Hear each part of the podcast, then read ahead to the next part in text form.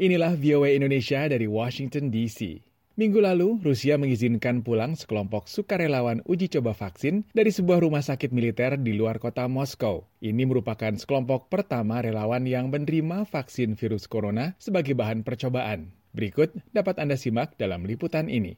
Vaksin tersebut dikembangkan oleh Pusat Penelitian Epidemiologi dan Mikrobiologi Nasional Gamalai di Rusia dan merupakan salah satu dari beberapa yang kini sedang dikembangkan di Rusia saat dunia tengah berlomba untuk berusaha mendapatkan vaksin virus corona secepatnya.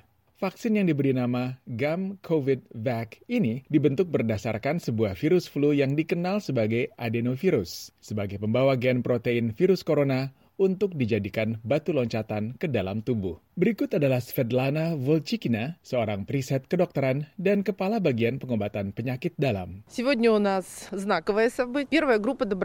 Ini merupakan hari yang besar bagi kita. Kelompok relawan pertama yang terdiri dari dua bagian dan masing-masing diberi komponen yang berbeda, akhirnya dibolehkan pulang pada hari ke-28 setelah mendapat vaksin. Mereka senang dan sudah diberi izin pulang. Kekebalan tubuh mereka kini sedang bekerja untuk membentuk antibodi dan mereka terlindung dari virus corona. Kementerian Pertahanan Rusia minggu lalu mengatakan bahwa kelompok pertama relawan penerima vaksin yang terdiri dari 18 orang tidak menunjukkan efek samping negatif selama 28 hari masa percobaan. Oleg Chikliaev, seorang peneliti medis yang terlibat dalam uji coba tersebut, mengatakan bahwa suatu kekebalan telah terbentuk di antara para relawan tersebut.